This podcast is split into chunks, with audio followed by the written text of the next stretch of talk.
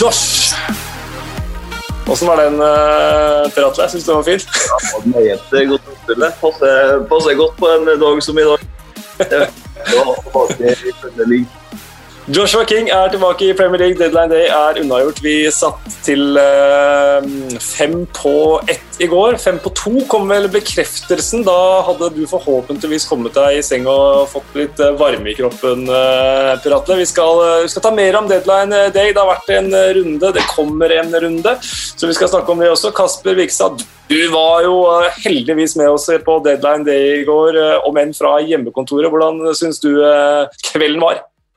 Jeg syns ikke kvelden var så verst. Det skjedde mye etter hvert. Og vi fikk eh, enda en nordmann eh, tilbake i eh, Premier League. Joshua King til Everton er en super overgang som jeg gleder meg veldig til å følge med, si. Ja, Vi kan jo, kan jo, begynne der da på overgangsvinduet. For uh, vi uh, rakk å stille noen spørsmål, eller få noen spørsmål inn uh, etter at vi kasta oss rundt og skal spille inn der. Jonas Lundsvold snakker litt om hvilke lag dere syns gjorde det best på overgangsvinduet, og hvem gjorde det dårligst. Det er jo en, en fin inngangsport, men jeg tror vi starter med, med Joshua King uansett. Vi prata masse om det i går, men det er jo ikke sikkert alle så på den sendinga. Så Per Atle, du sto utafor Finch Farm og holdt på å ja, fryse fast i bakken, men uh, det ble betaling til slutt. Du starta på egen banehalvdel, du var ikke i offside. Nei, jeg var faktisk ikke det, overraskende nok, men det, det var jo fryktelig mye, mye frem og tilbake i går. Da, og rundt sånn i, sånn i 10-11-draget så var det fryktelig mye kontrameldinger. Det var Fulham i det ene øyeblikket og Everton i det neste. Sånn typisk deadline day med, med King i hovedrollen. og så så fikk man jo landa, landa Everton til slutt, selv om eh, bekreftelsen eh, kom langt inn på overtid. Så, så, var det deilig å, deilig å, få det på plass. og Deilig å være på rett plass, selv om det kanskje var litt vel optimistisk å håpe at, eh, at, King skulle dukke opp der fem over ett, men det var, det var artig likevel. Ja, Kasper, du fulgte det fra ikke Silja, for du var jo, du var jo med. Hva, hva, tenkte du når, når det så ut til å bli full M?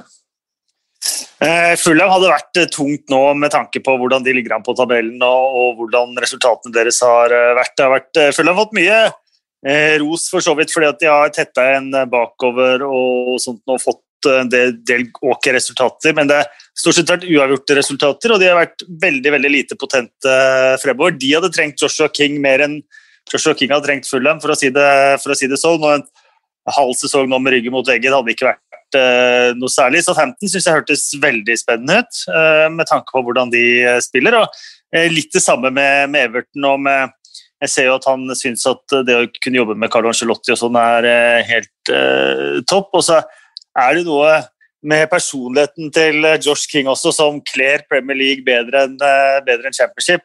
Og Det er han jo ganske åpen på selv og alltid vært. Jeg har møtt ham etter kamper og sånt nå. skal jeg snakker om nordmenn som har vært i championship, og sånn, så har han veldig lite oversikt med, med litt sånn, Jeg følger ikke med på championship, vet blunk, blunk. Uh, det har jo liksom vært for smått for han. Uh, og nå har han funnet form de siste månedene også, så, uh, så, så han kommer til Everton i ikke i toppform, men i bra brukbar og bra kampslag. Han har flere, flere minutter i, bagasjen, han har skåret noen mål. Han, eh, han, har sett skarpere og skarpere ut, så, så han, han, kan konkurrere om en plass på laget ganske så umiddelbart. Ja, og det er vel uh, uomtvistelig at Dominic Calvert-Lewin er, er førstevalget til Ancelotti på topp, men det betyr, betyr ikke, trenger ikke bety noe for Joshua King, for han har vært vel så god på, på kanten for, uh, for, Bournemouth. og Selv om han ville spille i den spissrollen, så var jo den ofte okkupert av Callum Wilson likevel, så det er ikke noe ukjent situasjon for King, dette her. Ja, litt, da. Fordi at uh, kantrollen, i, kantrollen i, i, de to lagene har vært ganske har vært litt forskjellig. Han har, han har slitt litt i de 4-4-2-kantrollene ofte Joshua King, for han er mer offensiv enn det. men han, jeg, jeg synes han er frykt, jeg, kanskje nest, en av verdens raskeste til å føre ball. Han mm. fører ball utrolig raskt. Um, og fart er jo noe Everton har mangla en del av. De har Richarlison, men bortsett fra Richarlison så har det, vært, så har det ikke så mye fart i det, i det, laget. og Der kan jo han tilføre det. og Han går rett inn som en direkte konkurrent mot eh, Richarlison eh, også. Med det kampprogrammet som er nå, så er det, det er mye skader. Det er eh, form opp og ned. Det er, det er belastning som skal styres hit og dit. Så, så det er ikke han kommer nok til å få spille, han kommer nok til å få mulighetene til å vise seg fram, og så er det opp til han å ta dem. da. Det skal bli litt artig å få sett ham i et lag som, der han endelig kan, kan få litt mer servert. og Kommer inn på et lag som kanskje fungerer litt mer. Han har spillere som Rodriguez som kan strø pasninger, Luka Ding som kan gjøre det samme. i stedet for at Sånn som det har vært i Bournemouth, så har han jo måttet gjort mye av jobben sjøl ofte. Men her kommer han inn på et lag der han faktisk har spillere rundt seg og som, som kan hjelpe ham litt. og det, det, Jeg gleder meg til å se ham i et i et lag som egentlig er et topplag i, i, Premier League. De hører jo hjemme på øvre halvdel, og, og, de er jo med i kampen om Europa nå. og Under Angelotti så tror jeg det kan bli, ja, det blir spennende. Det er det definitivt, fordi De ligger riktignok på en åttendeplass, men det er jo fryktelig jevnt. og De har to kamper mindre spilt enn en mange av de andre lagene. så Selv om det var en nedtur mot Newcastle, så vi kan jo bare ta det uh, etterpå, tenker man. det ble en nedtur der. Så, så, har eh, Everton vært uh, gode. Vi får, vi får runda overgangsvinduet litt først. Altså, nå har jeg selvfølgelig på meg briller, og de er ganske norske, men de to største overgangene i Premier League er jo nordmenn. Å ja, det er ikke noe å lure på. Uh, og da spesielt kanskje Martin Ødegaard-overgangen. Den, den, er svær. Enhver overgang fra uh, Real Madrid til en av såkalte Big Six i, England uh, er svære, svære overganger. Så, så den har vært behørig omtalt, og den Eh, den er ikke under radar på noe som helst eh, måte. og Jeg, jeg nevnte det så vidt i går også at i, i, Norge så har det blitt litt sånn Vi har hatt så enorme forventninger til Martin Ødegaard så utrolig tidlig. da. Eh, fra han var 15 år så har vi tenkt oi, han blir kjøpt av Real Madrid, han kommer til å gå rett inn, han kommer til å bli verdens beste. og Når på en måte løpet ikke har vært så rett fram som man urealistisk har håpet og trodd på, så, så har man på en måte fått en liten sånn kollektiv nedtur på det, og kanskje lykkes han ikke allikevel. og sånt nå. Men, eh, men, Martin Ødegaard er eh, fremdeles en fantastisk fotballspiller og et eh, stort stort talent også, selv om han nå har blitt et par og tjue år. Og at han kan gjøre det bra i Arsenal, det er det ingen tvil om. Fikk sin debut mot Manchester United. Fikk du prata med en Per Atle når du var der?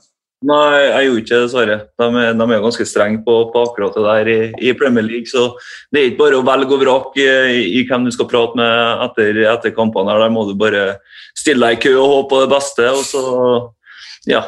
Så denne gangen så fikk jeg nest beste i, Miquel Ariteta. Fikk en god prat med han etter kampen. og Han virker jo meget, meget fornøyd med å få inn Martin Ødegaard. Det, som så, det, som er så, artig med Martin Ødegaard, det er jo liksom som Kasper sier, at det har jo vært enorme forventninger til en veldig veldig lenge, men altså, han er jo bare 22 år. Det føles ut som at uh, gutten har spilt fotball i en mannsalder allerede, men han er bare 22 år. Altså. Altså, han, han, er fortsatt i, i, i, startfasen, og det er nå han på en måte skal, skal virkelig begynne å, begynne å blomstre. Så jeg, jeg tror det er en meget spennende signering, og jeg gleder meg til å dra til, til Wolverhampton i morgen. Uh, forhåpentligvis får han kanskje debuten fra start, men i alle fall får vi i hvert fall se på banen, håper jeg. Så det, det blir fint. Det er fint å ha han i, ha han i England. Ja, Arsenal har sendt av gårde mye dødkjøtt og høye lønninger. Sokratis, Mustafi, Øzil, eh, Kolasinac og nå sist Joe Willoch. Så det er jo en direkte konkurrent eh, til Martin Ødegaard. Så det er vel, han har Emil Smith-Roe foran seg i køen sånn som det er nå, men det skal spilles mange kamper utover nå, både i den ene og den andre turneringen for Arsenal, så det blir nok godt med spilletid for, for Martin Ødegaard. Utover det så, så sendte, snakker vi om i går, tror jeg, ikke at det spiller så stor rolle, men Sam Allardyce sa jo tidligere i overgangsvinduet at han skulle sende ut en 250 forespørsler. fikk, fikk napp på, på, fem av dem. Uh, veldig Big Sam januar-vindu rescue mission uh, han har vært uh, ute på nå. Så får vi komme tilbake om han lykkes. Ja. Men, men Maitland Niles framstår som et kupp, da, at han, at han gikk dit. I hvert fall sånn på utsida. Ja, han er jo et, et lån, så det og det er, jo, det er, jo, sånne overganger som eh, man ofte gjør når man skal prøve å berge plassen. og sånt, så, så, den er fin. Uh, Okai Jokoslo, som han heter fra Celta Vigo, så jeg likte den der, ikke for å legge noe press på han, men han spiller i samme rolle som Luka Milivojevic, og vi så hva Luka Milivojevic betød for Crystal Palace. så da var presset lagt på Jokoslo egentlig umiddelbart fra Sam Allardyce. Men han ville jo ha en sånn type da, som kunne ligge foran backfireren og, og beskytte, så, fordi at de har sluppet inn fryktelig mange mål. da. Det som var fint med det nå, var jo at jeg hadde jo mitt eh, Det har jo blitt en eh, Jeg har ikke ridd meg som en mare, men jeg har blitt eh, minna på det et par ganger at jeg sleit litt med Milivojevic i en match. Milivojevic Og du hørte at Sam Allardyce, manageren som henta han til England, sleit også med å si Milivojevic der. Han bare Milivojevic ja, Men briter er jo sjanseløse. Uh, uh, det, det, selv de enkleste navnene fra Europa klarer jo ikke briter å uttale. og, og det, det finnes jo ikke noe som er mer britisk enn Sam Allardyce. Nei, det gjør det ikke. Uh, har aldri rykka ned. Det spørs vel eh, om han skal klare å holde den trenden. Nå Er det noen andre overganger uh, som, uh, som, dere syns vi burde, burde, nevne her og nå? som De har behørig dekka selvfølgelig tidligere, men, men det her er jo et litt annet format. Eh, ja, definitivt. Du har alt fra Minamino til Southampton. Det blir spennende å se om han kan finne seg litt eh, eh til rette. Eh, eh Moises Casedo nevnte jo dere så vidt på, på sendinga i går eh, også. Et enormt eh, talent, visstnok. Jeg har ikke sett han spille. Men for Brighton, som også fikk Yves Bizuma Bizuma var også regnet som et ekstremt stort talent på kontinentet da han kom til, til Brighton. Eh, han også, jeg tror han koster 8 millioner pund. Ja, han er ikke verdt noe mindre enn 40 millioner pund nå, eh, for å si det sånn. Eh, det er definitivt det er måten å gjøre det på. Da. Det er litt sånn som også Leicester. Leicester har bygga seg opp til å bli en, en topp seks, topp fire-utfordrere. er ved å, ved å, finne de spillerne der og så kunne selge de dyrt og, og reinvestere pengene igjen. og Brighton er på veldig, veldig god vei dit. Og så syns jeg jeg syns det er spennende med Anthony Gordon. Han sjarmerte meg så ekstremt forrige sesong. Eh, han tar en reset i Preston. Eh, og så er det eh, Patrick Roberts. og Patrick Roberts er jo utrolig merkelig greie, for han var jo et enormt talent i Fulham. Manchester City brukte masse penger på han. Uh, har lånt han ut hit og dit. Han var jo også i Eibar, som er farbeklubben til Manchester City i Spania, uten å lykkes der. Han har vært i diverse klubber. Han var i Norwich, eh, han har vært i Middlesbrough på lån nå. Alle steder han kommer, så snakker alle managere som henter ham, om hvor utrolig stort talent han er. Ingen har fått noe som helst ut av han. Og er, talentet er uomtvistelig, så jeg aner ikke hva som går gærent. og Det er liksom det som er, eh, er liksom, det man snakker om hver eneste gang han går hit eller dit. at Man klarer ikke, klarer ikke å få ham ut av men neste gang så kommer det til å skje. Nå har han gått til Wayne Rooney og, og Derby på lån. Eh, kutta lånet i Middlesbrough og nå til, til Derby. Så jeg er også veldig spent på å se hva, hva, Patrick Roberts Om han endelig kan få en halv god sesong. Han er litt sånn, kanskje litt sånn Ravel Morrison, bare uten bølle, bølletendensene. Eh, litt tidlig å si ennå. Ja, uten overskriften òg. Ja. Og han har åpenbart et så, så, godt navn at han, han, får seg gode låneavtaler her hele veien. og det, Alle managere mener at de kan få det beste ut av men det ser ikke ut som noen skal klare det. Nei, Wayne Rooney de henta jo massivt i går uh, i Derby. Det var lån på lån på lån på lån på lån der med mm, han fra Manchester United, Ted Menji, Lee Gregory tror jeg også var det, og henta han fra Rangers. Det skjedde, skjedde, en del i championship uh, også. Per Atle, du Men, har du Det jeg bare ja, si det spesielle ja. med championship og, og, IFL her nå, da, er jo at for første gang etter at det kom overgangsvinner, så er det ikke registrert én eneste overgangssum i IFL. Mm. Eh, det er noen undisclosed fees. Eh, men det er ikke registrert et eneste pund, eh, leste jeg. Eh, et offisielt pund som overgangssum i IFL, og det er jo det er jo et veldig veldig klart bilde da, på hvordan det ligger an under Premier League i koronatider uten publikum og med, med svært begrensede inntekter. Da. Ja, og første gang på ni år, tror jeg. Det, er, altså, det er minst brukt i januarvinduet på ni år. da, så Det reflekterer også det sånn totalt sett. Jeg tror det var under, uh, under 100 millioner pund som skifta eier uh, i det vinduet. her, og Det skjedde jo ingenting på kontinentet som, uh, av betydning, så vidt jeg, jeg kunne registrere. Mm. Et par andre overganger som er litt kanskje verdt å nevne i Premier League, og det er jo William José til Wolverhampton. så han, han mm Martin Ødegaard sin, eh, sin, gamle lagkamerat uh, i morgen. Uh, og så det jo, blir det jo interessant å se Jetty Lingard også, i, i. Uh, han har jo han har vært hvert på utsida av Old Trafford denne sesongen. Og om det er hvordan fotballformen til den gutten der, det skal jo bli litt se.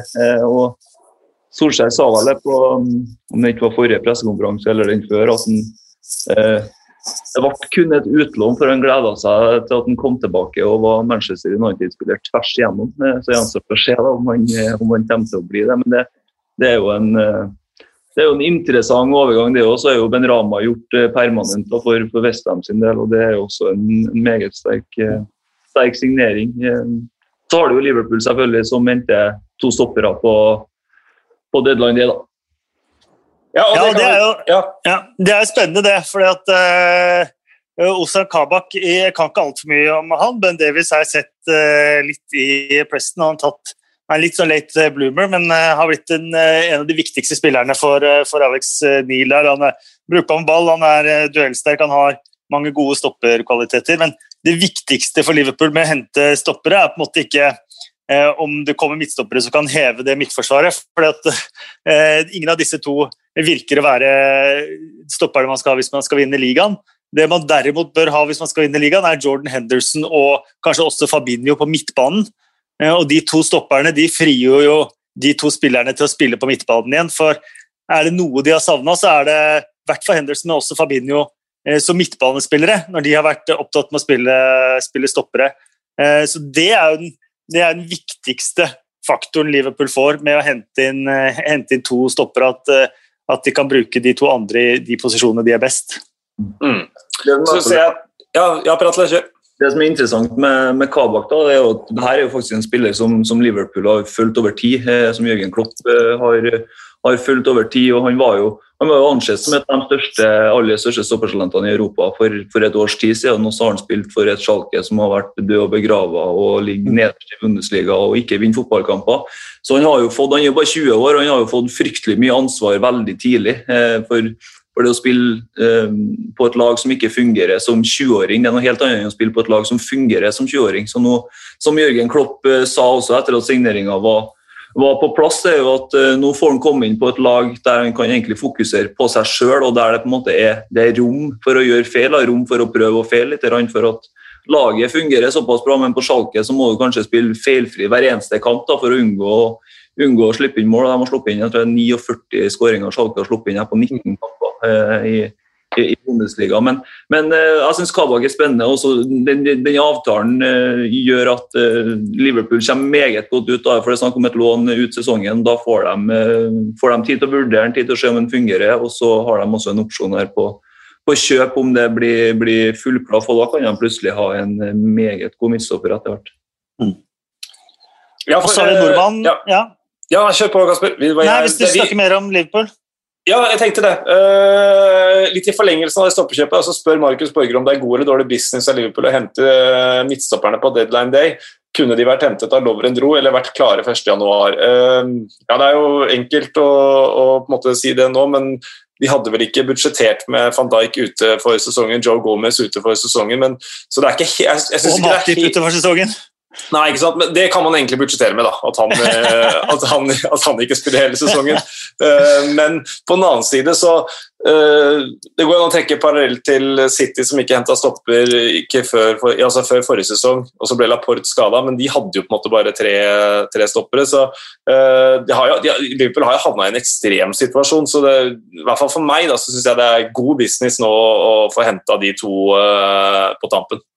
Nå, Definitivt. Nå er, det god business, men de, de, jo, de har vært litt offer for, for, egen gambling eh, med at de ikke henta noen i sommer. Når, når Lovren dro, dro, til Russland, så sto de der egentlig med, med tre midtstoppere. og Så har du jo Nat Phillips som kom tilbake, og Rhys Williams fra, fra, egne rekker. Men, eh, men, det å gå inn i, i en Premier League-sesong som denne med, med, med tre senior midtstoppere, for å si det sånn, som også er spilt inn på laget, det, det er jo en sjanse å ta. og den den sjansen jo, har jo Liverpool fått, fått svi for, men eh, sånn sett i ettertid så er det jo helt klart riktig at de nå henter på, på deadline day. At, eh, og jeg syns også de, de, avtalene de har gjort, det virker å være eh, klok. Nå kjenner ikke jeg så godt Ben Davies, sånn som, sånn som Kasper gjør, men, eh, men, også ifølge de rapportene som er, så, så, så virker det å være en, en spennende spiller. Og, nei, jeg tror det, det er helt, helt, avgjørende for Liverpool at de, at de gjorde de to, to, signeringene hvis de skal henge med et City-tog som begynner å rulle ganske så fort etter hvert.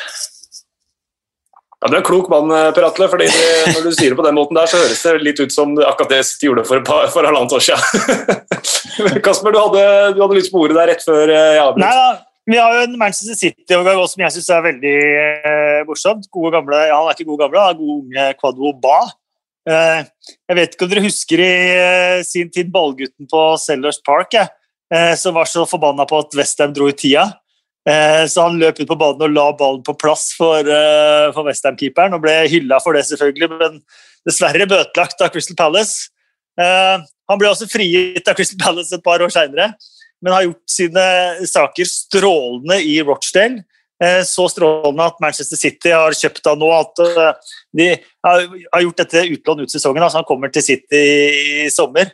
Men uh, han virker som en utrolig morsom uh, type, og, og morsomt at han, han lykkes òg. Ah, det hadde vært stort om han maskoten som pekte nese til Steven Gerrard også plutselig dukker opp eh, på en eller annen, eh, i et eller annet akademi etter hvert. Jeg vet ikke om du husker det på, selv om det er på Det Stamford Beach. husker vi veldig godt. Eller han ballgutten på Swansea som ble sparka av Eden Hazard. men Han var jo allerede en eh, nesten en voksen mann, Ja. da, så det, og rikmannssønn. Så han tror jeg har litt for mye gullskje i munnen til at han skulle klare å bli Han, som- fotballspiller i han, tillegg. som, gikk- han, gikk, han som gikk haltende ned etter å ha fått medisinsk behandling. Ja. og var vel sønn av eieren eller et eller annet, han, faktisk. Eh, Ellers så fikk vi en nordmann, eh, ny nordmann til engelsk fotball, heller eller tilbake til engelsk fotball. Erian Hårskjold Nyland til Norwich. Mm. En overgang som har ligget i eh, kortene hele januar, egentlig. Norwich har vært på jakt etter en eh, rutinert gratiskeeper til backup for Team Krohl, etter, ettersom Michael McGovern har vært, blitt skada ut sesongen. Og bare hatt eh, Daniel Barden juniorkeeper og eh, i backup, så helt perfekt for Ørjan Nyland å kunne trene seg opp et halvt år der før han evaluerer sine muligheter til sommeren. Og perfekt for Norwich å få en reservekeeper med er det 20 landskamper for Norge og et opprykk fra, eh, fra championship på samvittigheten ganske nylig allerede. Ja, Før du vet ordet av det, så er jo han Premier League-spiller igjen. han har kalt det. Skal vi, eh, skal vi lukke overgangsvinduet da, og så ta og dra kjapt gjennom, eh, eller? Eh, Ja, vi kan for så vidt det. Gedson Fernandes sitt Tottenham-mareritt er jo over. Det var jo hyggelig for han. Han så jo bortkommen ut. Han var det to års lån han hadde fra Benfica til Tottenham, egentlig. Ja, han var 18 måneder, tror jeg, men det er jo så å si to, to år. Ja, og eh, ikke noe Dele Alli til PSG. Det var det mange som egentlig hadde forventa skulle skje, men der var det vel Daniel Levy som, som endte opp med å si nei til det. Ja, og, det og det kan jo kanskje vise seg å være smart, når du så hvordan Tottenham framsto mot, uh, mot Brighton. Og da er vi jo er vi inne på runden, og da kan vi ta den kampen Ja. med en gang. Uh, Harry Kane ute med skader i begge anklene. Snakkes om én til to til tre uker. Uh, vi vet ikke. Han er, men han er ofte tilbake fort, Kane, så vi får håpe det. Men overskriftene var jo selvfølgelig eh, Gareth Bale som fikk mye tyn, men han var ikke aleine om å være dårlig i den kampen der, selv om han var han var nok dårligst eh, på Tottenham, men uh, alene om å spille svakt var han ikke. var, uh, men altså, Man glemmer jo å hylle Brighton og alt det her, men det var, uh, det var en svak Tottenham-forestilling, det der. Spilte litt mot Brighton, og ble skadet mot Liverpool i runden før, eller? Hva sa du, Bratle? Kane spilte vel ikke mot Brighton, han var vel ute den matchen og så ble skadet mot Liverpool før, var det ikke sånn? Ja, nettopp. Ja. Jeg tror, altså Ifølge rapportene så virker det ikke som Kane eh, er ute sånn kjempelenge. De håper jo at han skal være tilbake mot, eh, mot City allerede neste helg. Mm. Men eh, da, Tottenham var svak den kampen. altså Gareth Bale han, han ser jo bare blytung ut. Han er jo bare en, en, en skygge av seg sjøl. De to siste, siste matchene til Tottenham nå har vært fryktelig svake. og det må, det må på en måte skje noe der hvis ikke de skal, skal dette, av, dette av i den, i den kampen om, om topp fire. Så Jeg ser en uh, overskrift her nå på eh, Gareth Bale som er 'From epic Bale to epic fail'. Legend looks finished. Det er knallhardt. Eh, men, eh, men det er det som eh, diskuteres der borte òg. Men han, han, var jo, han var jo mye fart, mye styrke, mye disse fysiske egenskapene sine sist han var i England, og det som som gjorde at den spilleren var i, i Real Madrid. Ikke nødvendigvis at han var en teknisk virtuos. Og det er klart at, at akkurat de egenskapene de tæres veldig på av, av alder. da.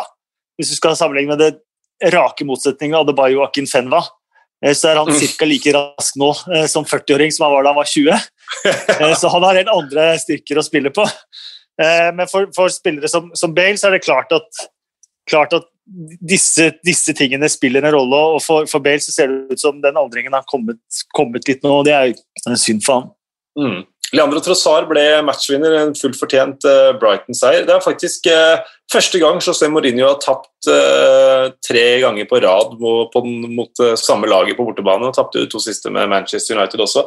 Men, men Erik Odland, han kjenner jeg faktisk. Hei, Erik. han spør, han spør Kjenner du faktisk? Kjenner så få mennesker? Nei, ja.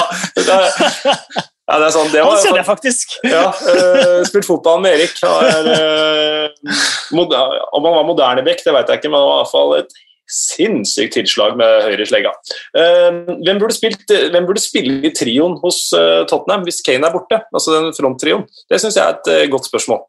Sjøl har jeg i hvert fall lyst til å se Carlos Venicius mye heller istedenfor for Gareth Bale. Carlos Vinicius eh, han virker som en spennende spiller. Synes jeg var kanskje en av få som virka å ha litt snert i seg mot, eh, mot Brighton og den tida han spilte. Han har, han har bare fem innhopp på jeg tror det, ja, en knapp time med, med Premier League-fotball denne sesongen. så gi han, eh, kanskje gi han litt tillit i Kane sitt skadefravær, og så har man kanskje et godt alternativ. Mm. Jeg var faktisk meg helt enig i Carlos Venicius. For, jeg, for jeg, for jeg syns han virkelig ser Jeg synes han har sett spennende ut. Mm. Eh, de kampene han har spilt og innhoppene han har hatt. Og så kan han kanskje ikke ta Marine som eh, stor målestokk eh, der, men han har benyttet muligheten de har fått. Så han, Lucas Mora og Son f.eks. i en topptrio, for meg så høres det ganske bra ut. Spesielt når du har de ballene som eh, Ndombele leverer bakfra. Mm. Eh, men dette er jo en ja, Nå er jo Chelsea nesten oppe i ryggen på Tottenham igjen. Eh, de møtes på torsdag. Thomas Tuchel han får liksom sin ilddåp mot uh, en, en hjemvenn igjen, José Mourinho. Den, denne kampen her har alle ingredienser, og denne kampen her er også et lag ja, Kanskje de har råd til uavgjort, men har, ingen, av de, ingen av de har egentlig råd til å tape denne kampen her. Nei, og, og Thomas Tuchel de, han tok jo sin første seier, så er det jo noe med Selvfølgelig måtte Marcos Alonso skåre mål så fort han var altså, Han har vært persona non grata siden eh, mm. første omgang på Hawthorns eh, tidlig i høst, da de lå under 3-0. Eh, og Han var misfornøyd med å bli bytta ut. og Lamp, Om ikke Lampard sa det offentlig, så, så kom det ganske tydelig gjennom at eh, den mannen spiller ikke for meg så lenge jeg er manager rett inn og ser ut som gamle Marcos Alonso igjen i 3-4-3. Dette, er jo, dette er jo Antonio Conte tilbake på Stafford Bridge. Ikke sant? Umiddelbart rett inn med Conte, samme system. Eh, slenge en eller annen eh, eh Ving som har fått litt få sjanser, som, eh, som en back isteden Callum Hudson Odoi. Eh, tilbake med pensjonistene. De kalles jo The Pensioneers, eh, Chelsea. Så er en pensjonist på Aspilicueta og Alonso med skåringene. Det var jo Eh, ja, dette her er jo helt tilbake til Antonio Conte. Kom litt seint, kanskje, men, eh, men, plutselig så er jo hvert fall hvis de slår Tottenham nå, plutselig er jo de i hvert fall in contention til et eller annet eh, som kan bli veldig spennende. Ja, og Tuchel fikk vel 18 måneders kontrakt, men det, jeg vet ikke om det var han som sa det, eller noen som sa det. spiller jo ikke så stor rolle hvor lang kontrakt du får i Chelsea. Sparken får du før eller siden uansett. Så, en langtidskontrakt, det. Ja, det, ja, det er det. En, får tid til å bygge han nå på, på 18 måneder. Eh, men ikke, ikke overraskende at de, de forholdt seg rolig på, på, deadline eh, day. Eh, spennende den kampen mellom Chelsea og Tottenham som, som kommer. Den som du sier, Kasper, den jo, kan fort bli sesongdefinerende for begge. den. Ja, Det er kanskje litt vanskelig å si en sesong som er sesongdefinerende fra uke til uke, for så vidt. Ja.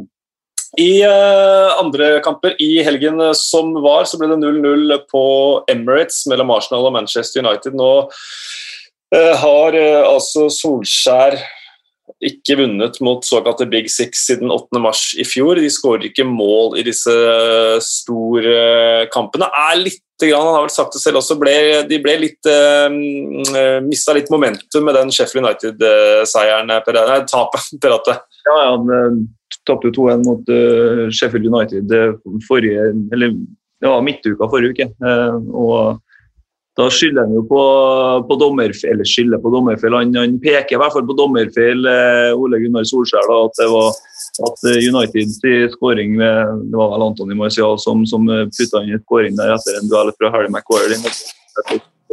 Sheffield Uniteds skåring stå. Det, men jeg, jeg også å peke på, peke på det når du taper mot uh, laget som aldri vinner. Eh, det feil i mine ører uansett, for den, det der er en kamp Manchester United skal vinne ti av ti ganger, sånn som denne sesongen her eh, har vært. Og så er det som du er inne på, de sliter fryktelig mot, uh, mot de såkalte topp seks-lagene, og det er et problem for, for Manchester United. Et annet problem er at de skårer fryktelig lite mål. Det har ikke vært eh, veldig mange, mange, mål i siste, spesielt ikke i de kampene som du, som du nevner. her. Det, han har litt å jobbe med, for, for selv, om, selv, om, United eh, i år har tatt, eller denne sesongen har tatt steg hva gjelder eh, å spille mot de antatt svakere motstanderne, så, så har de eh, gått et par steg tilbake når det gjelder å, å, å møte, møte, lagene rundt seg. og Det er jo de lagene man, man må slå hvis man skal stå igjen med, med sølvtøy til slutt. Så må, så må, jeg bare spørre, Per, at fikk du snakka med Mr. Wilder etter kampen? Ja, jeg med, jeg var, jeg var, faktisk ikke på, på kampen sjøl, for jeg var, i, var, i, London. Men jeg med ham, tok meg en tur innom pressekonferansen etterpå og fikk, eh, fikk prata med ham. Alltid like hyggelig å prate med. Sheffield United, Per! Sheffield United! United. Manchester til Oliver, ja.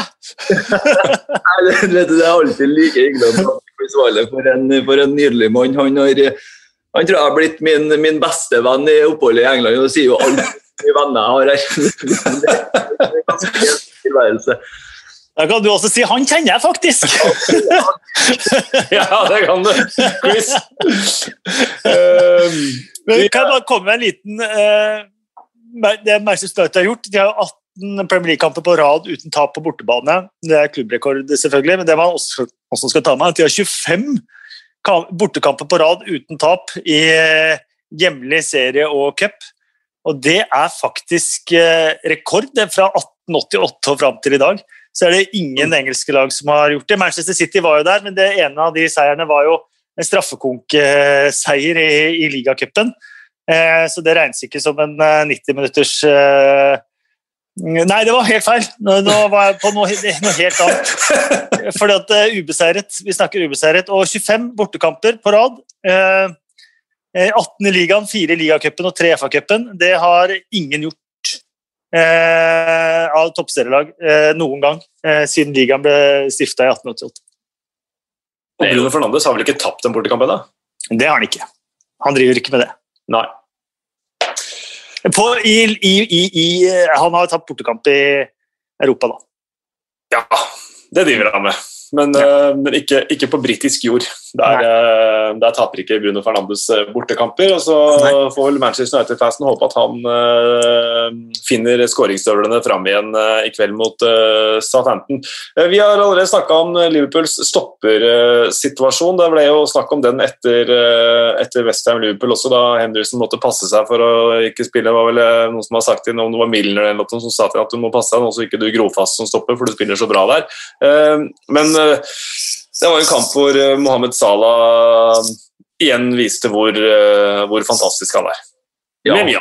Og han, han, har, han, begynner å, å finne former. Han ser ut som han var god, var god borte mot Manchester United i FA-cupen, var god borte mot Tottenham.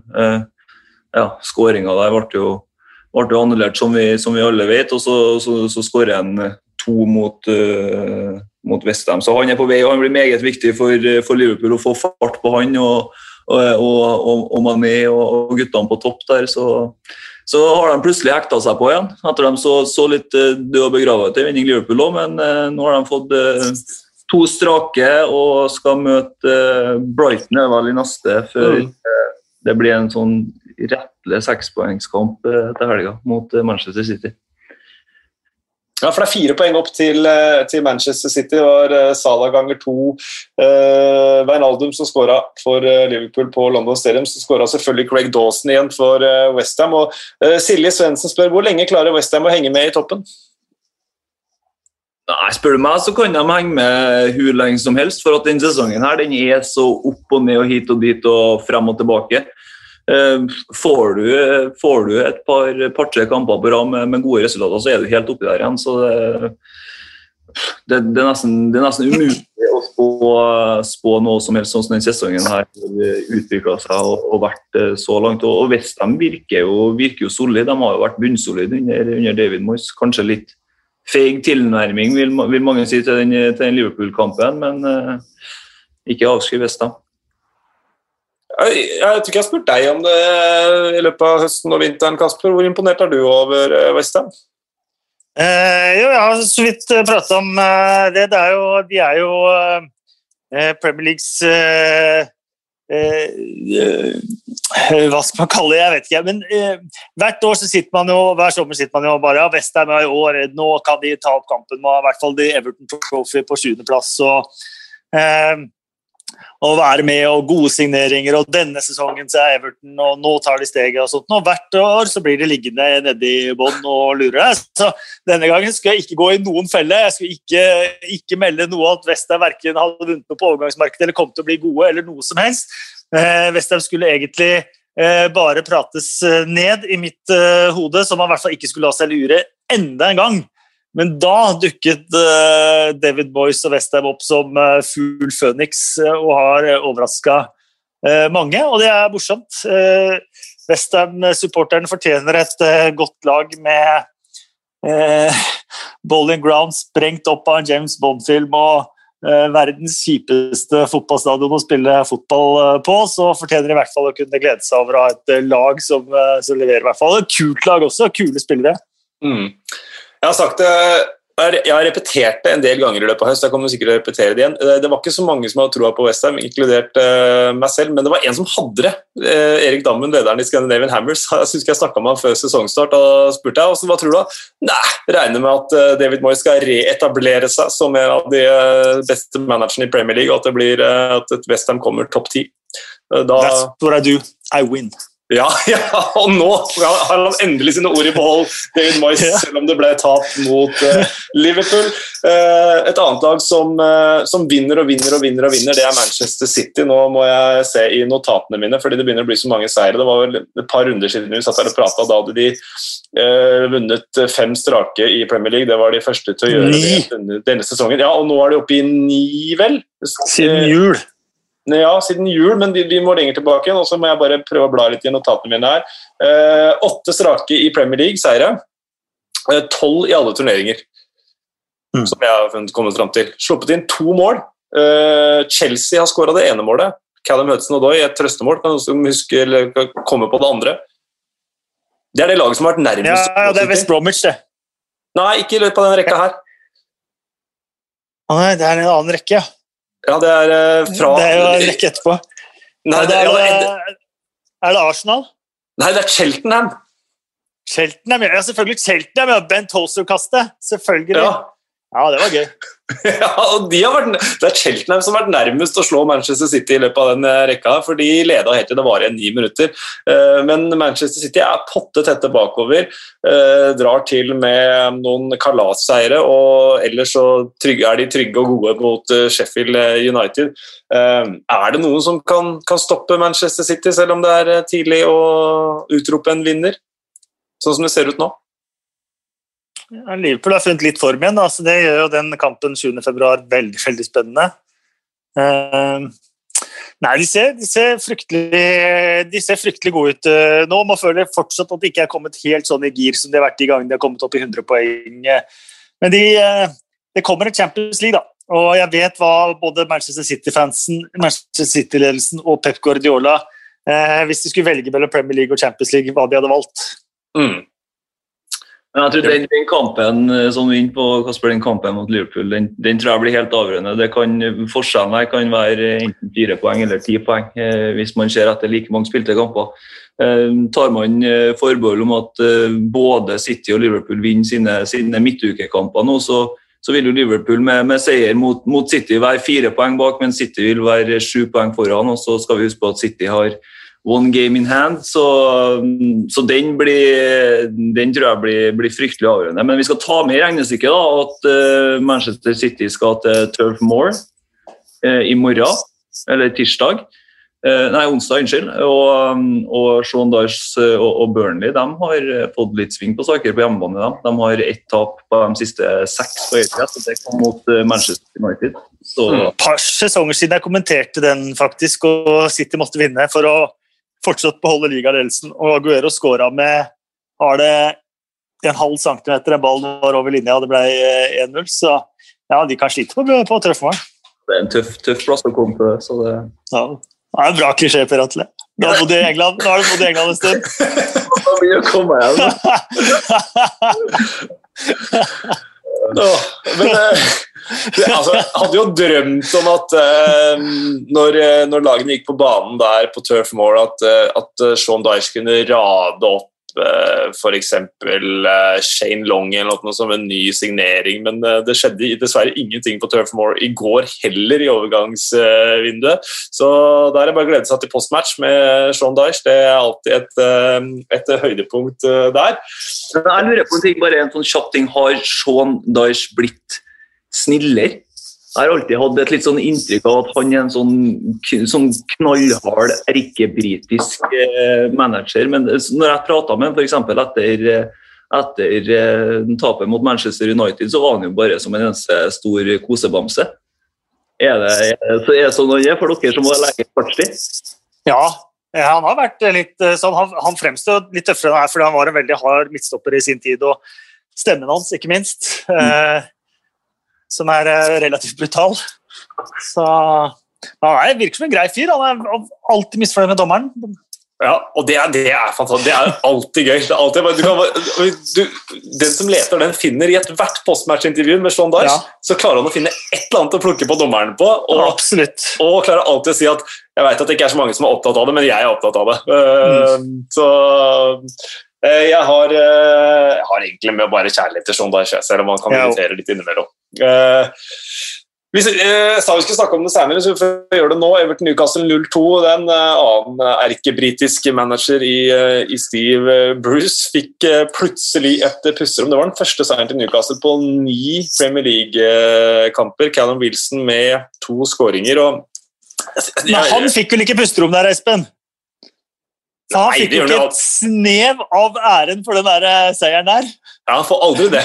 Uansett, altså, uansett hva Steve Bruce gjør. Det var Brave Jones som gjorde det.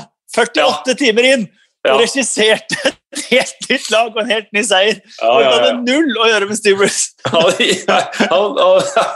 ja, det, altså at han, vil ha, at han vil ha den jobben, det syns jeg, eh, det, synes jeg eh, det er beundringsverdig. At han orker å stå i det.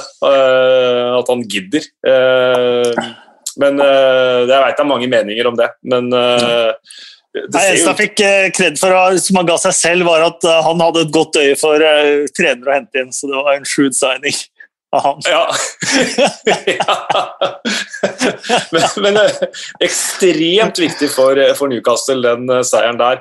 Uh, arbeidsro det får ikke Seabruce, det kan man glemme. Men, uh, men, at han fikk litt pusterom hvert fall, til det som var en nedrykksstrid som begynte å nærme seg, den var kjempeviktig. Og nedtur selvfølgelig for Everton, men nå har Joshua King på plass, og da satser vi på at han skal få fart på Angelottis gutter igjen. Da har vi igjen et par kamper som vi ikke har snakka om, eller tre kamper tror jeg, som vi ikke har vært innom. og Vi må jo innom alt, hvis ikke så blir det urettferdig.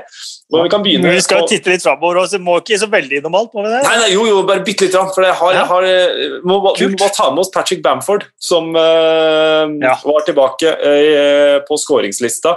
Hadde tatt seg sjøl av kapteinsrollen som fantasy, det burde han ikke gjort. Uh, men altså han skrev vel at han håper at Southgate liker en spiss som spiller ballen på tvers når det er åpent mål. Du veit hvor du finner meg. det tviler vel på at Bamford er under landslagstropp, men uh, for en sesong han har. Det er så nydelig å se det, det han gjør der, akkurat den, den, den pasninga når, når, han spiller på tvers på, når han er på, alene mot keeper. For det, det er så utrolig mange ganger at, uh, at uh, spillere mister på sånne muligheter. Når man har en, en ledig spiller til høyre eller venstre fortsatt som er på blank kasse, da, da, skal du i hvert fall i mine øyne ja, trille den ballen, uansett om du heter Patrick Bamford, Mohammed Salah eller Sergio Aguero. Da skal du, du den ballen på, på blank kasse, og det at han gjør det, jeg syns Bamford har vært et visst uh, pust til Premier League. og Håper, håper å se ham på, på landslaget etter hvert. Og det var ikke gitt. Eh, for dette er en spiller som kommer da opp gjennom akademiet til Chelsea, som har vært utlånt til eh, Championship flere ganger og bøtta inn mål i Championship nesten hver gang han har fått eh, sjansen. Han har skåra for Milton Keanes, han har skåra for, eh, for Middlesbro, ikke minst. Eh, for Leeds masse, men hver gang han får sjansen i Premier League, så har han vært en kjempeflopp. Han har prøvd seg Norwich, han har prøvd seg Crystal Palace, og det var ikke altfor mange som, i hvert fall som kjente både spilleren Bamford og historikken til Bamford, som trodde at han skulle begynne å bøtte inn mål i, Premier League. Eh, det var på ingen måte selvsagt. Eh, så det at han har klart å ta det steget endelig, det er eh, Og han er 27 år, altså han er ikke noen unggutt nå. Og han har vaka nedi der og prøvd seg mange ganger på dette Premier League-greiene. og At han endelig skulle lykkes med det, det står det både respekt av, men det er jo veldig veldig morsomt også, da, for en spiller som virker både reflektert og sympatisk. Mm. Og ja, det akkurat det. Han eh, er jo godslig i alle intervjuer eh, stort sett eh, når han, når han etter kamper. Nedtur for Leicester, selvfølgelig. Vi får ta kjapt West Bromwich Fulham 2-2. Det er en kamp ingen av dem egentlig hadde råd til å ikke vinne, men ingen av dem gjorde det.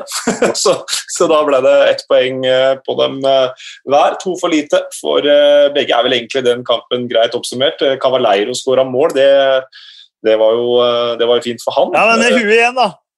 Han skåra på Tottenham på huet og skåra på, på huet her, her også nå. Han, han, sliter litt når han får sjansen med beina. Ja, da, for da treffer han med begge beina. Eh, ja. Han klarer jo ikke å skyte, skyte ballen med ett bein. Han må, du må liksom innom begge. Eh, så han burde egentlig neste gang så burde han vippe den opp og nikke når han får muligheten. Ja. Den siste, Southampton mot Aston Villa. Der vant Aston Villa en en armhule hadde vært armhule onside forrige sesong på Danny Ings, men ble uh, trøyekant offside denne gangen. Ja, Får jeg lov å si noe om det? Ja, det skal du få lov til. For det er også en som uh, spør om uh, nettopp det. Så det skal du veldig gjerne få lov til. Rikard Bertelsen han skjønner ikke annulleringen, så vær så god, Kasper.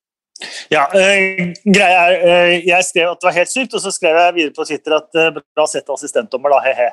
Eh, og så fikk jeg et par sånne sykt at du kan eh, kritisere VAR for dette her, for dette hadde eh, assistentdommer allerede rukket opp eh, flagget for. Eh, og jeg jo, jeg, Det var ikke noe kritikk av VAR, for så vidt, for jeg er, eh, jeg er den oppfatning at man kan på en måte ikke kritisere VAR i systemet VAR i enkelthendelser, og man kan heller ikke forsvare systemet VAR med enkelthendelser. Her traff VAR, så, dette, så VAR er bra. Her bomma VAR, så VAR er dårlig. Det, for meg er det litt verdiløse argument. Eh, fordi det VAR har gjort, er jo å endre måten fotball oppfattes på, og måten fotball spilles på. Og så har man fått noen avgjørelser mer riktig, uten å si at eh, alle avgjørelsene eh, eller de avgjørelsene som gjør det mer riktig, gjør det mer rettferdig. Det er ingen likhetstegn mellom flere riktige avgjørelser og, og mer rettferdighet. Så lenge ikke absolutt alle avgjørelser er eh, riktige, og det, det, er, det, går ikke an, og det er ikke målet til VAR heller. Eh, men det har endret måten vi oppfatter fotball på. Her ville flagget gått opp. Han eh, markerer for, eh, han markerer for offside, og så målet ville blitt annullert uansett. Og så er det jo akkurat det da, at det er mye enklere å akseptere en feil for noe som skjer i løpet av et, et tidel. Og noe som skjer etter at man har sett det i 100 kameravinkler. Eh, og Det er jo det som skaper følelsen av urettferdighet her.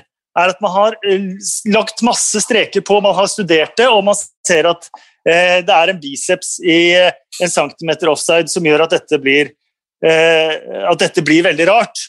Hadde det vært vanlig og flagget hadde gått opp, så hadde man sagt oi, den var utrolig tight, antageligvis tar Lindome feil, men det er forståelig. Eh, vi går videre. Det er jo forskjellen på hvordan man oppfatter ting nå, og, og hvordan man oppfatter ting da. At det er mye enklere å akseptere en feil som gjøres da, i, in the heat of the moment, enn en feil som gjøres av to til flere personer som ser på masse skjermer. Eh, og så er det alt dette andre at man ikke kan slippe jubelen løs med en gang det scores. Alt, alle disse andre ting som også kommer med, med VAR, som gjør at Fotballen blir annerledes. Og så kan det godt være, og det har jeg sagt hele tiden, at noen mener at den prisen å betale, den er verdt det. så fotballen blir bedre av det.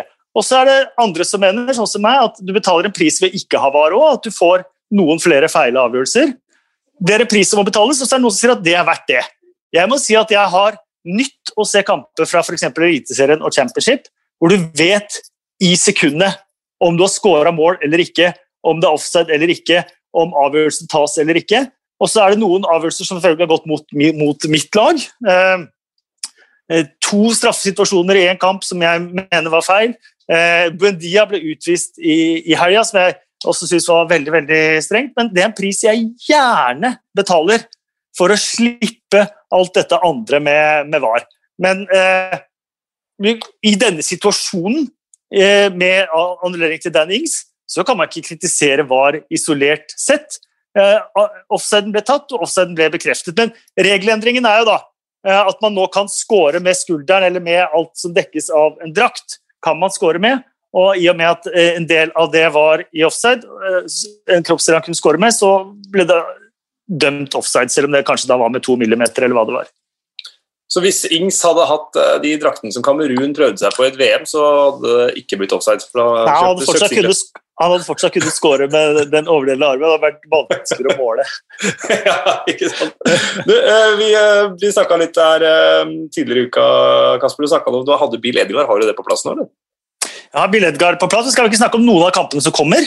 Jo, men jeg tenkte vi kunne ta Bill Edgar først, for det går jo tilbake. og Så tar vi og ser fram i siste minuttene. Aha, det var utrolig smart. Arsenals syv siste. Aldri skjedd! Første gang siden er den sjette spilleren. Fun factsene til Bill Edgar. Ja, jeg har et par Bill Edgar her. Eh, Rob Holding eh, ble en eh, moderne fotballsjeldenhet nå sist, for han plasserte 100 kamper for en topp seks-klubb som engelskmann. Og I løpet av de siste tolv årene så er det kun tre engelskmenn som har nådd 100 kamper for en topp seks-klubb uten å få landskamp. Eh, for England. Og Rob Holding er da eh, en av dem. Ainsley Maitland Niles eh, nådde også 100 kamper for Arsenal før, før han fikk, fikk landskamp. Papastatopoulos, Sokratis Papastatopoulos, altså det lengste navnet i Top Flight History, forsvant fra Arsenal, men de har fortsatt spilleren med flest vokaler i Pierre-Emerick Aubameyang. det er godt, det, da. Det er godt. Uh, Liverpool har skåret flere mål i London enn i Liverpool siden starten av november.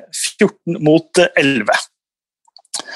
Uh, eh, så uh, var det i Chelseas two league wins over Burnley this season. The two A's scored at home, Aspilicueta og Alonso. And the two Z's sets scored away, Syek og Zuma. Ikke at det var veldig spennende. Jeg har ikke gått gjennom denne så veldig, jeg rakk ikke det før vi skulle på, på sendinga, så jeg må ta det litt uh, underveis. Men en artig uh, observasjon da, som gjør at man kan tyde på at de har, uh, har snudd litt på praktiseringen av VAR her, er at det er kun én endring av en subjektiv dommeravgjørelse etter VAR i de siste 70 Premier League-kampene mens det var 20 sånne i de foregående 70 Premier League-kampene. Um, så, så, det er jo litt sånn uh, Kanskje man ser en liten endring i praktisering av VAR igjen, da. Og igjen, bare sånn for å være inne på det med, med VAR, i og med at det kom en liten sånn rant der, er at veldig ofte så er argumentene sånn at det er regelen det er noe feil med, eller det er praktiseringen av VAR det er noe feil med når det kommer noe gærent med VAR. Og det har jo vist seg når man tar bort skjønn, og man bare har inn den Eh, tommestokk-nerdinga på, eh, på dommeravgjørelser, så er ikke fotballregler er ikke lagd for å ikke praktiseres med skjønn. Og Det er grunnen til at de siste par årene så har det kommet hundrevis av forslag til regelendringer, og det har kommet masse regelendringer eller regelpresiseringer hele veien for å få dette til å passe inn med VAR. Eh, og det er jo fordi at Et fotballregelverk er jo ment for å bli praktisert eh, av en dommer som viser et skjønn, Eh, ikke av noen som sitter foran video med en eh, tommestokk. Også det er i ferd med å endre fotballen, da, som jeg ikke er så glad i. Eh, West Bromwich har sluppet inn 22, eller slapp inn 22 mål på rad hjemme fra pause 6.12. til pause mot Fulham. Og det er selvfølgelig rekord.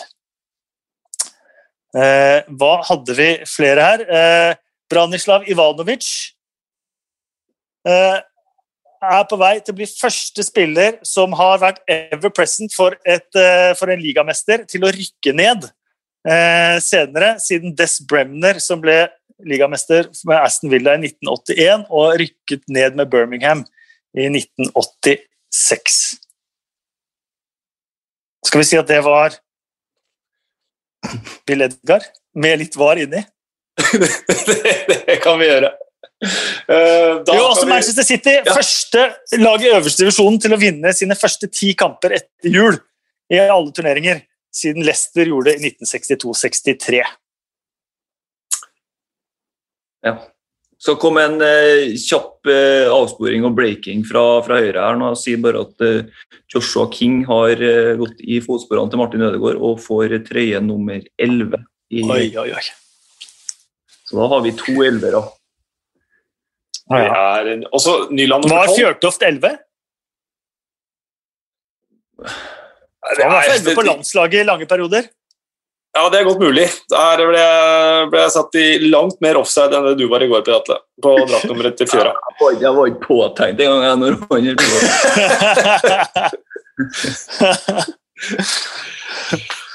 Ok, eh, gutter. Runden som eh, kommer, skal jeg dra kjapt gjennom kampene? Ja. Eller har eh, Bunnoppgjør. Sheffield United, West Bromwich. Eh, det laget som taper der, rykker i hvert fall ned. Ja. Sheffield United må vinne. Ferdig snakka. Men eh, skulle vi prate kampen her, skal vi gå gjennom alle først? Ja, hva vil du? Vet ikke, du bestemmer. ok, da, nevner jeg alle sammen først. da. Sheffield United, West Bromwich, Wolverhampton mot Arsenal, Manchester United mot Southampton, Newcastle Crystal Palace. Det er til kveldens kamper. I dag er altså tirsdag. Eh, onsdag så er det Burnley mot Manchester City, Fulham mot Leicester, Leeds Everton, Aston Villa Westham og Liverpool Brighton, før runden avsluttes med London-oppgjøret Tottenham eh, Chelsea. Eh, Noen av kampene har vi for så vidt vært innom allerede, eh, med City og Turf Moor. Så Og Sheffield United West Bromwich har vi kvittert ut nå, fordi der må, der må et av lagene vinne. Nei, det har vi ikke. Den har vi ikke kvittert ut på Nei, okay. noe som helst måte. Det er Battle of Bramble Lane. Eh, Det er første gang de møtes i den øverste divisjonen siden før jeg var påtenkt, eh, faktisk, Per Atle. Jeg tror det er 1973 siste gang de møttes i øverste divisjon. Eh, Men det betyr kanskje at du ikke husker den matchen de hadde i første divisjon, det som nå er championship i 01-02-sesongen. For det er en legendarisk match. Phil Jagielka spilte den matchen, om jeg ikke tar helt feil. Det kan godt hende jeg tar helt feil. Men det er eneste kamp som også har blitt mm, eh, i, i, i de to øverste divisjonene siden de startet opp i, på 1800-tallet, som har blitt eh, avbrutt pga. for få spillere på banen. Eh, det, det begynte med at keeper Simon Tracy ble utvist i det niende minutt. Eh, Så fortsatte det også med, og den her er, denne her er fin, fordi at George Santos han kom inn på banen. Og han kom inn på banen egentlig med ett mål for øye. Fordi West Bromwich sin Andy Johnson hadde satt en albue i trynet hans forrige gang de møttes, eh, som gjorde at han fått brudd på kinnbeinet.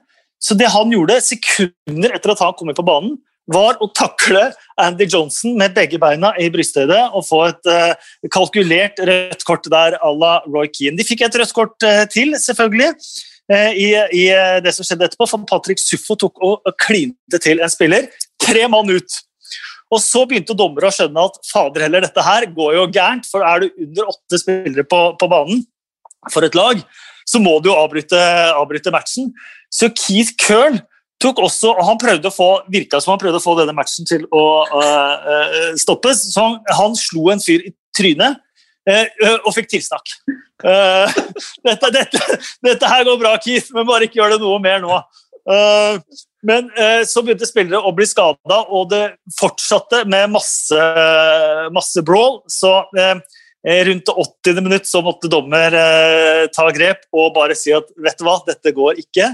Dere får gå i garderoben, kampen kan ikke spilles, eh, spilles ferdig.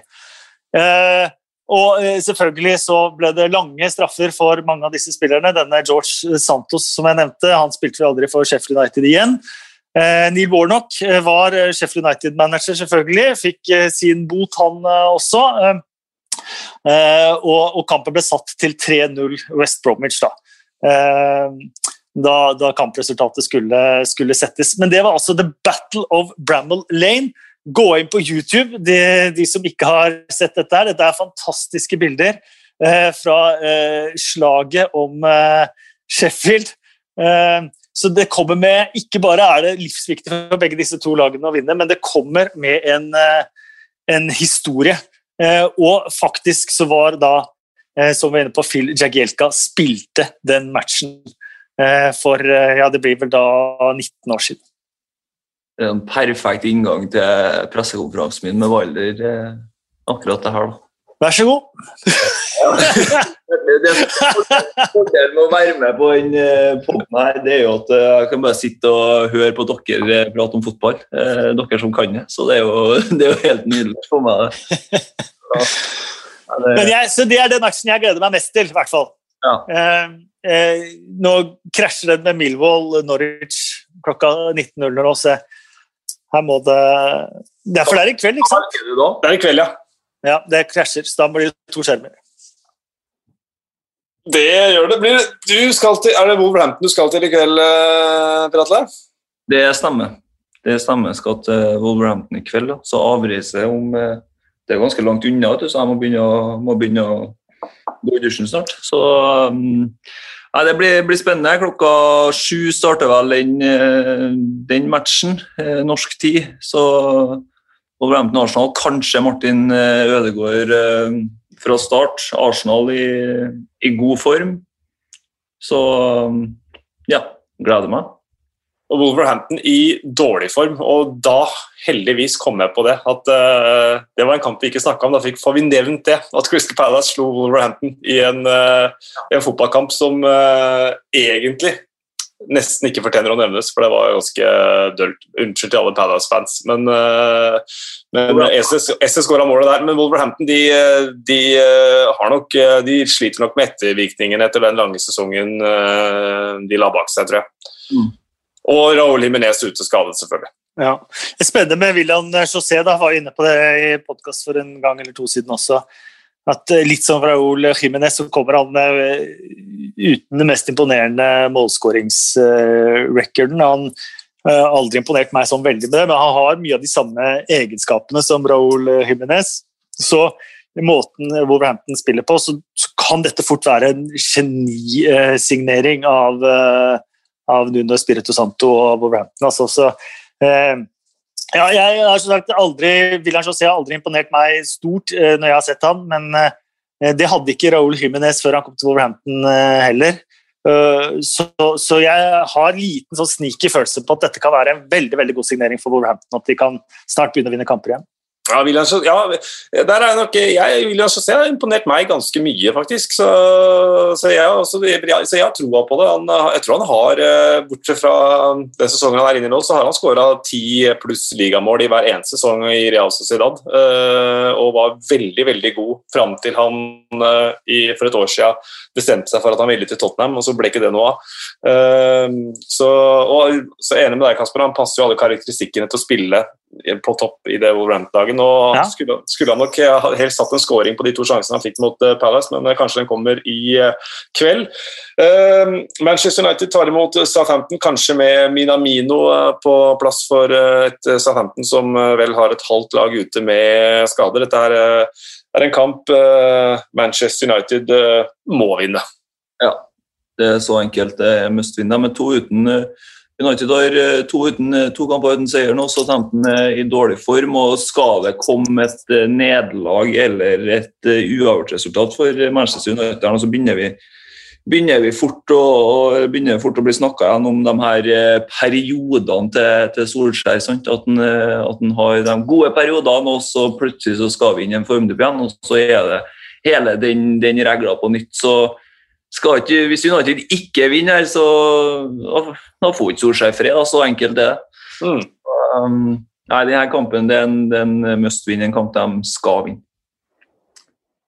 Så var det Southampton som vel stoppa rekka til Manchester United i, i fjor sommer også, med en skåring på, på, overtid. Så, Så Hasenhyttel har uh, skaffa resultater på Old Trafford tidligere. Han, uh, I Newcastle så kommer Crystal Palace på besøk, og det er jo en kamp uh, som helt sikkert Newcastle-fansen uh, nå etter seieren mot Everton forventer at det skal, skal vinnes. Så får vi se om så blir tilfellet. Kanskje vi får Joe Willoch på banen, eller jeg var litt mør i går kveld når jeg utropte Crystal Palace til overgangsvinnere. Så, så, ja, da var du mør, faktisk. Ja, så, så, jeg håper Mateta slår til skikkelig i kveld. Unnskyld, Newcastle-fans.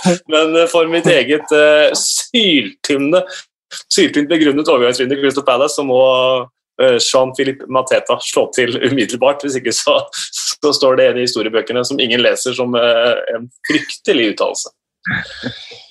Uh, Fulham mot uh, Leicester. Der kan vi få Josh uh, Maja, eller Maya sin Premier League-debut for Fulham hvis han blir klar tidlig nok. Mannen som lot Sunderland i stikken for noen år siden og jaktet gode opplevelser og gode viner i Bordeaux, skal nå prøve å redde Scott Parker og må starte mot Leicester. Um, Leicester må tilbake på vinnersporet, så det kan bli en, eh, en morsom kamp til onsdag kveld. Og så på Ellen Road så er det Joshua King som eh, skal eh, ta på seg drakt nummer 11 først på første gang. Leeds har jo de har, Det er jo mission accomplished nå, de har redda plassen. Å ja, det har de. Det så jo litt sånn der halvveis ut etter tre kamper der uten skåring og tre tap. Men så fikk de jo heldigvis for dem en hvilehelg med mm. FA-cup og utsatt uh, kamp der. Så de fikk ti dager mellom uh, Brighton-kampen og Newcastle-kampen. og det var For et Bielsa-lag så er jo det helt ypperlig. Så da fant de, har de vunnet og skåra fem mål på de to siste og vunnet to kamper igjen og, og ser litt sharpe ut igjen. da. Men jeg mm. tror nok ikke Jeg tror jeg er én kamp for tidlig for King. Ja. Tror jeg. Men, men det gjenstår jo å se. Da jeg skjønte at han ikke er oppe i Merced før kanskje tidligst i dag. Ja, han skal, han skal, være på plass i dag. Det som er verdt å ja. bite seg merke i, det er jo at uh, Everton i, i, forrige kamp hadde vel uh, Anthony Gordon som uh, eneste angrepsalternativ på benken. så det, ja, det er sant. Godt poeng. Ja, så det, man skal jo ikke se helt bort ifra at han kanskje blir med i troppen, i hvert fall. Så, det håper vi på. Det håper. Aston Villa mot Westham uh, er uh, også et oppgjør onsdag kveld. To lag som har uh, imponert og prestert uh, veldig veldig bra. Så gjelder det for, for Westham å prøve å komme seg tilbake på, på sporet. Mens Villa kanskje de viser fram Morgan Sanson, som ble hentet fra Marseille. men Dean Smith gjør jo ikke endringer på laget hvis han ikke må, så det er spørsmål om ikke franskmannen må finne seg en plass på benken. Liverpool-Brighton.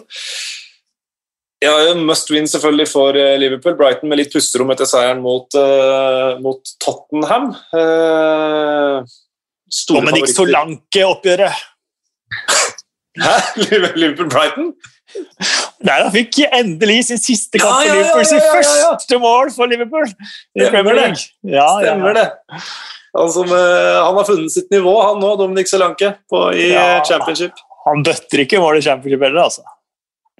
Nei, men i forhold sammenlignet med hva han har gjort tidligere, så er det absolutt, absolutt kjempe, Det øser inn nå for, Solanke. Uh, så får vi se på om Brighton De har jo imponert i mange kamper spillemessig, og nå fikk de også en seier sist, så en etterlengtet opptur der blir en spennende kamp. Og så er det Tottenham-Chelsea, den har vi allerede snakket ja. om. Og da tror jeg vi kan uh, jeg skulle gjerne runde av med fem kjappe, men jeg har ikke rukket, jeg har vært så kjapt at jeg har ikke rukket å finne på fem kjappe. Men, eh, men, men hvem, eh, hvem, vinner mellom Tottenham og Chelsea? Det kan være én kjapp. Uavgjort. Ja, er, ja, ja, jeg sier uavgjort, jeg òg. Rett og slett for jeg ikke klarer å utrope noen favoritter i det hele tatt, faktisk. Det er klin åpen. Jeg tror jo ehm, Jeg håper eh, for Chelseas del at Tuchel har gjort hjemmeleksa si, og det, det tror jeg på en måte han har. Men hvis, eh, hvis han på en måte eh, prøver å kjøre en, eh, en, match hvor du skal ta alt til, til, Tottenham, så tror jeg det passer Mourinho veldig veldig eh, bra. Spesielt etter de to kampene som, som Tottenham har levert, eh, levert, nå. Så tror, jeg det, eh, ja, så tror jeg det kan være nesten drømmescenarioet for, for Mourinho. Men jeg tror kanskje at det blir to managere og lag som utligner hverandre. at Hvis det blir en vinner, så er det litt tilfeldigheter som spiller inn. Nydelig. Da gjenstår det jo å si tusen takk til eh, Håkon og Moderne Media for å fasilitere dette her. Husk å følge oss på Twitter. 2PL-pod, eh, ris og ros der. Stjerner i iTunes er veldig, veldig velkomment hvis dere setter pris på det vi har rasket sammen i dag også. Og Per Atle, du fikk varmen, og nå skal du ut i kulda igjen. Tusen takk for at du kasta deg rundt og kom deg, kom deg opp av den lune senga jeg antar du har borti Manchester der. Omtrent rett fra Finch Farm, så det er ikke noe problem. Det er alltid en glede å, å være med. Så nå skal jeg hive meg i dusjen og videre til Wolverhampton. Deilig. God tur. Hils Chris Wilder og Martin Edegaard. Dine to venner. Nå så jeg Kasper retta på sveisen. Du ser forbilledlig ut, Kasper. Tusen takk for at uh, du også var med i uh, dag. Og du skal vel se to kamper i kveld, i hvert fall. Og så blir det vel noen klokka ni òg for deg, vil jeg tro. Absolutt. absolutt. Eh, Norwich har nå to matcher på rad uten skudd på mål. Eh, og det er jo det er bekymringsfullt. Først 0-1 i cupen mot Barnsley, og så 0-0 mot Middlesbrough og Neil Warnock. Uten skudd på mål, så det Ja, det, det må snu mot Millwall i kveld om det skal være noe, noe håp. Det er Swansea borte på fredag, så. Viktige dager. Uten Emmy Buendia. Ja, og bare, bare pass deg for dødballfoten til Conor Horrihan og alle de ja, andre. Han har starta som en virvelvind ja. i de to første matchene i Swansea, Ja. altså. Vi får Ja, jeg veit det. Vi får ikke avslutte dette her, men det må vi gjøre nå. Takk skal du ha, gutter. Vi, vi hørs.